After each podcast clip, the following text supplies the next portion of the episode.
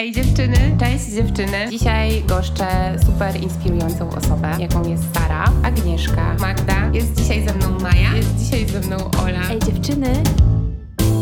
Cześć. Dzisiejszy odcinek powstaje we współpracy z Green Parrot, agencją marketingową, która zajmuje się kompleksowymi działaniami z zakresu technologii, analityki i digital marketingu.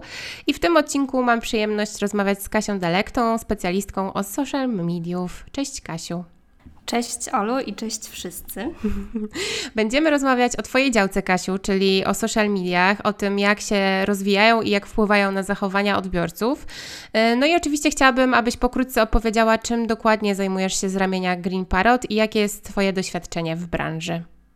Jasne, to jeżeli chodzi o, o, samą agencję, to właściwie już trochę o niej powiedziałaś. Jesteśmy taką bardzo kompleksową e, agencją. Mamy swój software house, sami też tworzymy chatboty, no i mamy bardzo dużą gałąź e, całego marketingu i digital marketingu czyli coś, czym ja się bezpośrednio na co dzień zajmuję. E, w agencji jestem już 4 lata prawie, więc całkiem, całkiem sporo. Mogłam już poznać ją e, wzdłuż i wszerz, więc, więc fajnie, że, że ta współpraca nam się tak e, miło układa. Jeżeli chodzi o moje jakby codzienne działania i, i zajęcia w agencji, to tak naprawdę kompleksowo zajmuję się klientami, konceptami działań dla klientów, realizacją strategii, E, no i oczywiście wszystkimi bieżącymi działaniami nad social mediami i gdzieś tam takie tematy też poboczne, czyli wszelkie współprace z influencerami, E, i tego typu projekty. To, to jest wszystko, czym się zajmuję na co dzień. A Kasiu, e, tak dla zainteresowanych właściwie takim stanowiskiem pracy, jak wygląda praca w agencji? E, czy to prawda, że to jest taki szał i trzeba być skupionym i nastawionym na deadlines i presję codzienną czasu? To znaczy tak, no na pewno ta praca wygląda zupełnie inaczej w agencji niż po stronie klienta w marketingu. Ja akurat zaczynałam e, od pracy w korporacji, więc e, później jak przyszłam do agencji, no to faktycznie to jest zupełnie, zupełnie coś innego.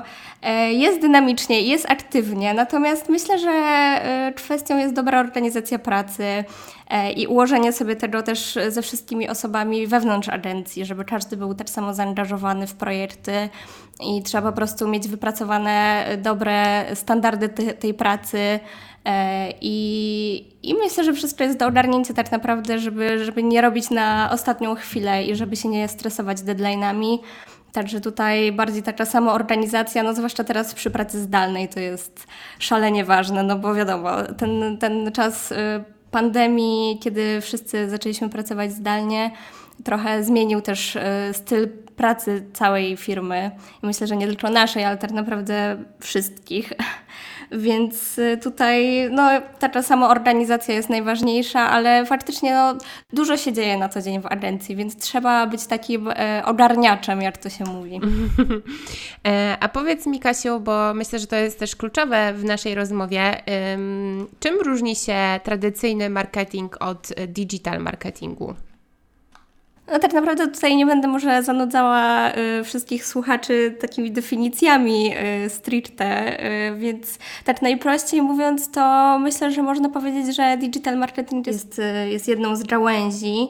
Głównie po prostu chodzi o to, że skupia się w online, to jest to marketing cyfrowy, więc y, możemy go po prostu odróżnić tym, że te placementy reklamowe i placementy działań są inne. Mhm.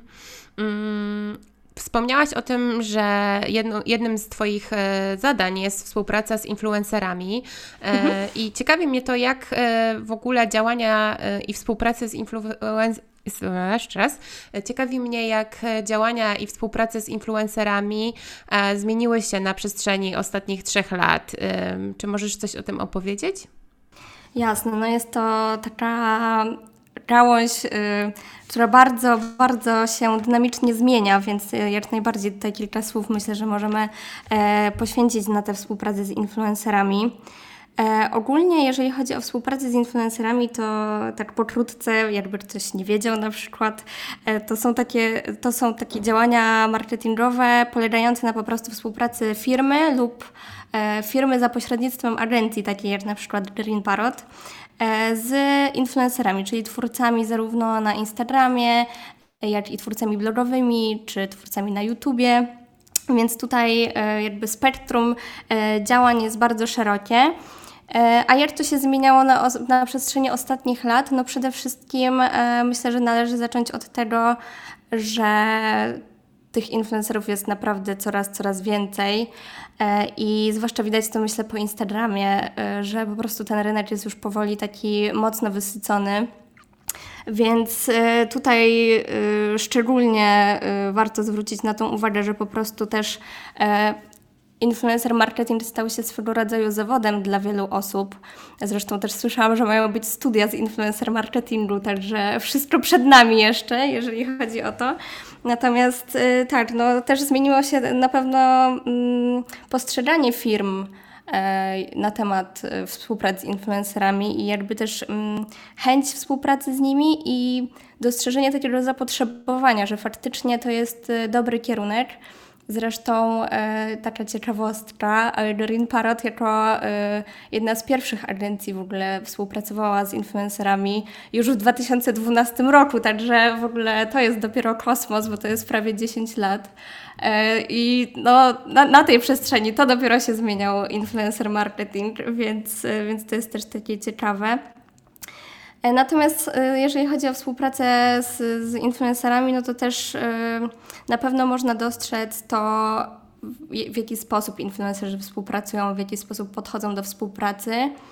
Z racji tego, że dla wielu osób jest to po prostu ich codzienna praca, podchodzą do tego bardzo profesjonalnie i z takimi osobami po prostu się bardzo przyjemnie też pracuje, ta współpraca idzie płynnie. Natomiast ma to też swoją drugą stronę medalu, czyli taki też nieprofesjonalizm u niektórych z kolei, no bo niektórzy też podchodzą do tego w taki sposób, że a, jest już tyle influencerów, że to jest takie proste y, tworzyć jakby swoje treści y, w social mediach i, i, promować różne produkty, więc też y, nie, niekiedy się można zetknąć po prostu z, z osobami, które nie do końca jakby prezentują swoim profilem i swoją osobą jakąś wysoką jakość. Y, więc na to też trzeba na pewno uważać. No i, i to, co, co można ostatnio zauważyć, to to, że tych reklam e, u influencerów jest naprawdę sporo. I, I niektóre też profile są takimi, powiedzmy, słupami reklamowymi. Nie wiem, nie wiem czy, czy możemy tak określić, ale myślę, że roboczo y, tak na, na potrzeby zobrazowania wszystkim tego, o co mi chodzi. Po prostu niektórzy y, tych reklam mają aż za dużo. Więc też należy zwracać na to uwagę, y, podejmując w ogóle jakieś współpracę z influencerami, czyli właśnie odpowiednia selekcja takich osób, czyli ktoś, kto y, faktycznie ma zaangażowaną społeczność i ktoś, kto jest autorytetem dla swoich y, odbiorców, niezależnie od kanału, czy to jest Instagram, czy YouTube, ale tutaj myślę, że to jest właśnie taka główna rola y, nas po stronie agencji, żeby znaleźć odpowiednie osoby i przeanalizować te profile. Czasami to, to się dzieje na przestrzeni wielu miesięcy też y, y, takie właśnie obserwacje jakiegoś profilu i po prostu zobaczenie, jak inni postrzegają ten profil, czy faktycznie to jest coś, co jest wiarygodne dla innych jest jakimś źródłem faktycznie fajnych informacji i rzetelnej wiedzy mm, o produktach czy, czy o, o, innych jakby rzeczach. Natomiast y, no tutaj naprawdę trzeba, trzeba na to uważać, zwłaszcza teraz, kiedy tego jest tak, tak dużo. Mm, natomiast y, też nie chcę nikogo zrazić do takich współprac z influencerami, bo uważam, że to jest bardzo fajne narzędzie. Mm, przede wszystkim do, do budowania zasięgów, y, czy do e, tworzenia wizerunku marki i, i, jakby też przede wszystkim może e, generowania takiego unikalnego kontentu, który później marka może wykorzystywać, no bo umówmy się, ale niektórzy influencerzy robią naprawdę świetne materiały, które są e, no, niczemu nie ujmujące w ogóle profesjonalnym materiałom stworzonym przez jakieś globalne agencje na przykład, więc No, moim zdaniem to jest super narzędzie i warto z niego korzystać i po prostu trzeba to robić w sposób e, umiejętny i, i, świadomy gdzieś tam, myślę. Mhm. Powiedziałaś o współpracy z influencerami, o tym, że jest ich coraz więcej i jest takie przesycenie tego rynku, ale mam też wrażenie, że jest to coraz bardziej też dostrzegalne dla odbiorców, e, czyli te wszystkie współprace. I od kiedy właściwie Instagram, bo tutaj odwołuję się głównie do tego medium, mm, wprowadził możliwość oznaczenia, że posty są sponsorowane, wielu odbiorców gdzieś tam mm, zarzuca influencerom, kiedy właśnie gdzieś tam e, nie korzystają z tego narzędzia. Ja też przed tym odcinkiem pozwoliłam sobie puścić ankietę na e, swoim profilu na stories z zapytaniem, do moich obserwujących, czy mają jakieś pytania właśnie do Ciebie, Kasiu, do specjalistki z zakresu digital marketingu. I właśnie pojawiło się tam mniej więcej, e, znaczy pojawiło się bardzo podobne pytanie. Czyli właśnie to, czy, że influencerzy nie oznaczają postów sponsorowanych i czy to jest jakaś, czy jest jakaś w ogóle kara za to, bo gdzieś tam widać, że oczekujemy od tych osób, którym gdzieś tam ufamy ich obserwujemy, takiej transparentności. Jak to wygląda? Mogłabyś e, przybliżyć ten temat? Jasne. No jeżeli chodzi o właśnie tą funkcję Instagrama, czyli oznaczanie sponsorów, e, jest to tak naprawdę e, nieobligatoryjne, czyli e, influencer może z tego skorzystać, ale nie musi. Też przed pojawieniem się tej funkcji e, wielu influencerów po prostu wyszło z taką inicjatywą i oznaczało e, posty czy materiały w stories, które były sponsorowane, po prostu informowały swoich odbiorców, że jest to mm, zrealizowane ze, ze współpracą z jakąś tam firmą i uważam, że mm, to jest jakby fajne i lojalne wobec odbiorców. E, natomiast no, nie ma żadnych kar ani, ani nic takiego, jeżeli e, jeżeli taki post faktycznie sponsorowany nie zostanie oznaczony jako e, post sponsorowany na Instagramie. Mm, też ta funkcja oznaczania tych postów sponsorowanych daje po prostu możliwość firmie promowania tych postów, więc tutaj mm, tak bardziej od strony technicznej też warto o tym wspomnieć, że mm, często prawdopodobnie przy takich współpracach y, influencerzy są zobligowani nawet do y, oznaczenia takiego sponsora po to, żeby agencja czy dana firma mogła promować te posty. E, natomiast no, ja uważam, że ta funkcja jakby jest jak najbardziej ok i, i tutaj to, że ktoś na przykład promuje później te posty, no to jakby też uważam za jak najbardziej w porządku, no bo to jest jednak zazwyczaj e, bardzo fajny content, raczej się do tego dąży, żeby on był wysokiej jakości e, i takiej jakości, z której przede wszystkim firma e, byłaby zadowolona.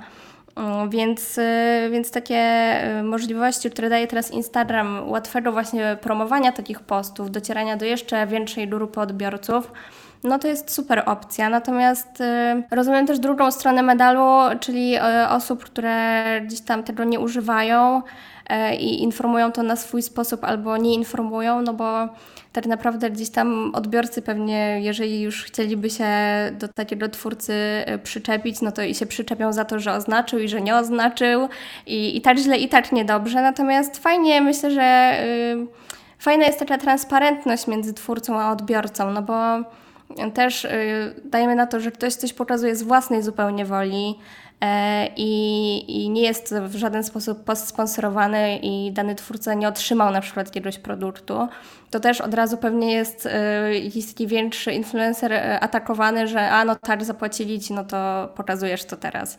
Więc myślę, że to też jest jakby nie tylko ważne z punktu widzenia obserwujących, żeby takie posty sponsorowane faktycznie były oznaczane w jakikolwiek sposób, ale też z punktu widzenia e, twórców i influencerów, że po prostu mają okazję być transparentni, mogą z tego skorzystać i tak naprawdę myślę, że to też jest z korzyścią dla nich, więc ja mam taką uwagę co do e, takich oczekiwań, e, jeśli chodzi o transparentność e, takich właśnie influencerów.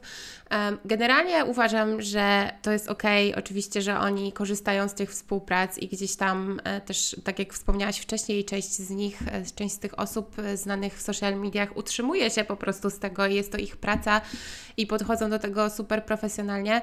Myślę, że jeżeli ktoś mm, tak ze, swojego doświadczenia wiem, że jeżeli yy, myślę sobie, kurczę, znowu ktoś coś promuje, znowu ktoś coś oznacza yy, albo nie oznacza w swoich postach, że jest to sponsorowane, yy, to zaczynam się bardziej zastanawiać, na ile ona jest dla mnie już yy, jakby prawdziwa w tym, co robi i na ile to są jej wybory, a na ile to już jest y, chęć jakby po prostu zarobku.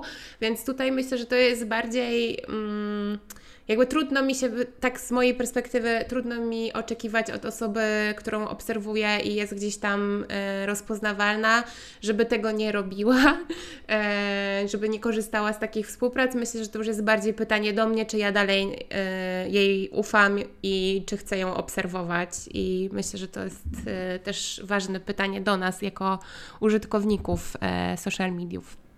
Tak, no w ogóle jeżeli chodzi o, o nas, y, obserwujących y, danych influencerów, to fajnie jest sobie właśnie zrobić taki mały rachunek sumienia i, i faktycznie zobaczyć, na ile mm, ta osoba jest dla nas wiarygodna. Y, I też myślę, że w łatwy sposób można gdzieś tam przefiltrować, czy, czy dany profil jest takim stricte reklamowym profilem, czy faktycznie to jest taki profil, który poleca produkty, nawet przy współpracach, z których faktycznie e, sam jest zadowolony.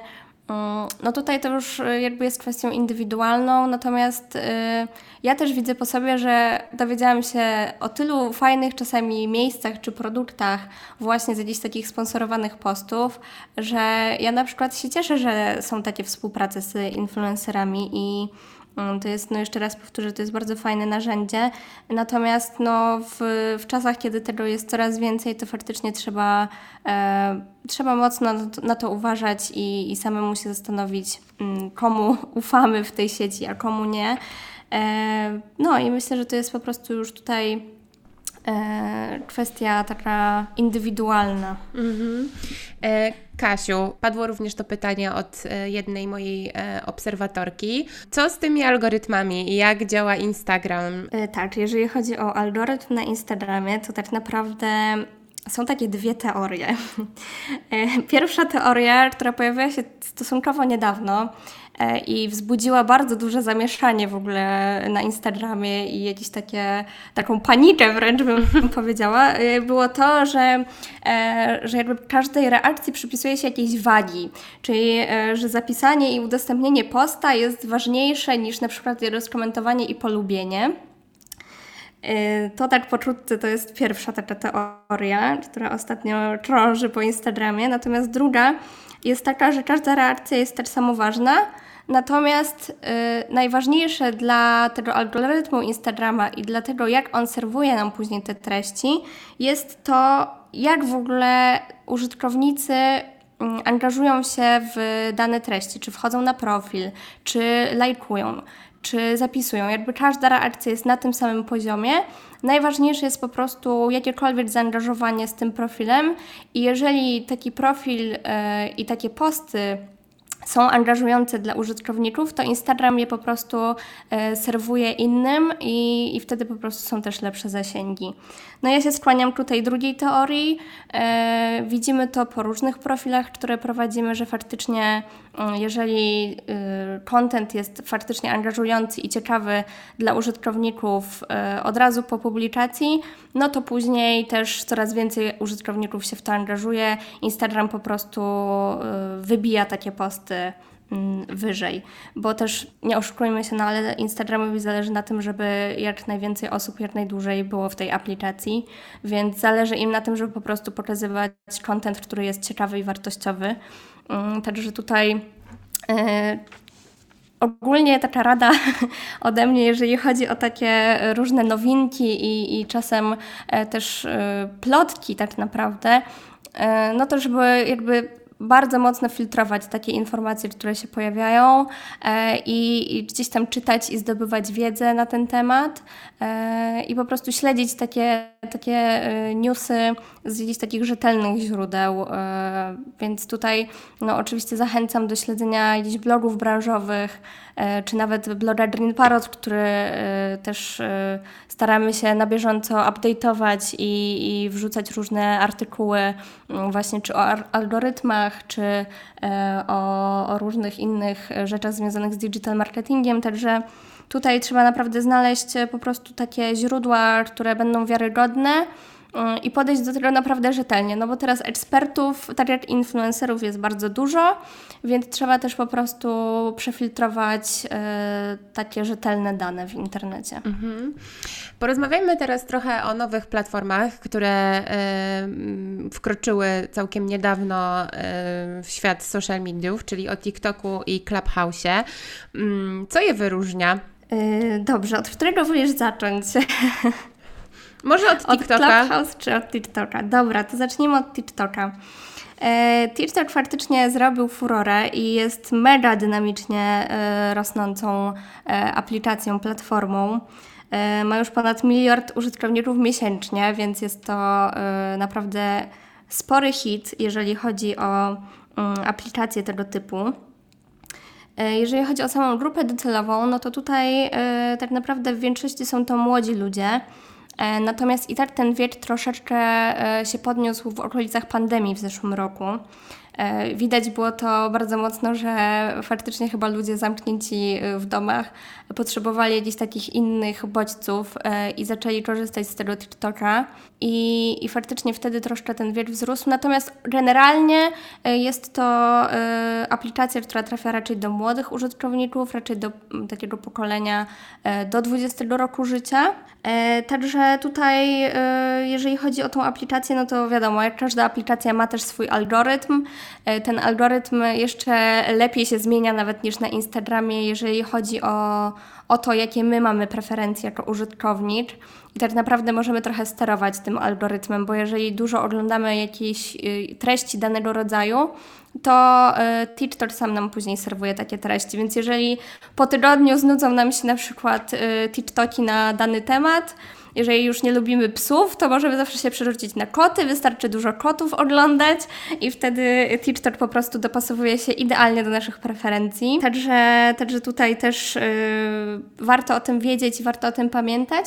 Natomiast yy, no też pytanie, yy, też pytanie po prostu jakie marki, jakie produkty można tam reklamować. No bo to też jest gdzieś tam placement reklamowy. No też Natomiast jest specyficzne czy... medium, prawda? Bo gdzieś tam tak. nastawione troszeczkę, mam wrażenie, na grę aktorską, na jakiś pomysł, koncept, y, y, ogranie tego w formę y, taką wideo, nie? Tak, no właśnie, no TikTok jest głównie, y, znaczy głównie, no jest tylko platformą, y, która bazuje na wideo. I to są takie raczej luźne i śmieszne filmiki z podkładem muzycznym. E, natomiast też już widzę, że to ewoluuje w takim kierunku trochę nie do końca y, jak aplikacja zakładała od początku, czyli żeby te filmiki były faktycznie fajnie pocięte, żeby to tworzyło jakąś śmieszną całość e, z podkładem muzycznym. Teraz po prostu też się pojawiają takie filmiki z muzyką, takie, które możemy sobie zmontować w dowolnym innym programie. E, natomiast no, nie będziemy się chyba na tym skupiać, skupmy się na, na tym takim głównym e, nurcie czyli tych takich śmiesznych filmikach. No jest to faktycznie specyficzny content. Content, który no właśnie dociera do, do, do głównie młodych ludzi. E, no i jest to na pewno fajna platforma dla produktów, które są łatwo dostępne online i których gdzieś tam bariera zakupu nie jest bardzo wysoka no bo to są pewnie takie produkty raczej mniej budżetowe niż jakieś e, produkty ekskluzywne. Także tutaj też e, z punktu widzenia reklamowego warto się myślę o to pokusić, natomiast trzeba mieć na uwadze, że nie każdy produkt jakby jest gdzieś tam kompatybilny z tym medium. Mhm. E, a co sądzisz o Clubhouse? Jest to specyficzne medium. Myślę, że też y, bardzo mocno miało wpływ na jego powstanie pandemia i taka potrzeba w ogóle y, kontaktu z drugim człowiekiem. I bo... dyskusji chyba trochę. Tak, też, tak, tak. I mhm. dyskusji z innymi ludźmi, więc to na pewno y, gwarantuje gdzieś tam takie doznania w ogóle, że gdzieś jeszcze są jacyś ludzie na świecie. e, także jeżeli mamy dużo czasu e, i, i mamy naprawdę chęć e, przewertować ten, ten, ten clubhouse w poszukiwaniu jakichś ciekawych dyskusji, no to, to jasne. Natomiast no też Clubhouse ma ten minus, że jest dostępny tylko dla użytkowników e, produktów Apple'a, więc tutaj już e, wszyscy z Androidem są poszkodowani na starcie. E, natomiast no już rośnie Clubhouse'owi konkurencja od Twittera, czyli Twitter Spaces e, co myślę, że jest e, no, mocnym rywalem dla, dla, dla Clubhouse'a. E, no bo wiadomo, że już dużo twórców ma Twittera, dużo osób z niego korzysta, wszyscy mają tam zbudowane już społeczności, jeżeli są jakimś zasięgowym twórcą. Więc e, no, trochę bym to przyrównała na przykład do Snapchata, a e, funkcji Instagram Stories, która powstała po Snapchacie i wszyscy jednak z tego Snapchata się przenieśli na Instagram Stories, więc tutaj. No, no jest no, to ciekawe. przewaga ilości użytkowników i po prostu wygody, nie? Tak, no, no dokładnie, że nie trzeba nowej aplikacji sobie instalować, e, tylko faktycznie możemy mieć e, dwa w jednym. No i też e, dla większej ilości urządzeń, no bo nie oszukujmy się, niektórzy ludzie mają takie preferencje względem urządzeń, niektórzy inne, więc tutaj myślę, że fajnie, że Twitter po prostu wyszedł z jakąś taką inicjatywą stworzenia czegoś takiego. Mhm. No zobaczymy, jak to się rozwinie. Um, miałyśmy poruszyć temat LinkedIna, ale szczerze mówiąc myślę, że zostawimy go, zostawię go sobie na inny odcinek, który będę tworzyć z um, dziewczyną, która zajmuje się HR-em. I myślę, że fajnie by było, gdybyśmy jeszcze porozmawiały o Facebooku, czyli e, o tym, o, o, platformie, która niegdyś była bardzo popularna, a teraz e, gdzieś tam ma się wrażenie, że odchodzi do lamusa. E, no i też w związku z Facebookiem dostałam kilka pytań od obserwujących i jedno z nich to było pytanie o to, czy warto nadal prowadzić strony na Facebooku, i czy reklama na Facebooku odchodzi do lamusa i czy teraz króluje tylko promocja na Insta i YouTubie. E, jak Ty widzisz w ogóle mm, przyszłość Facebooka?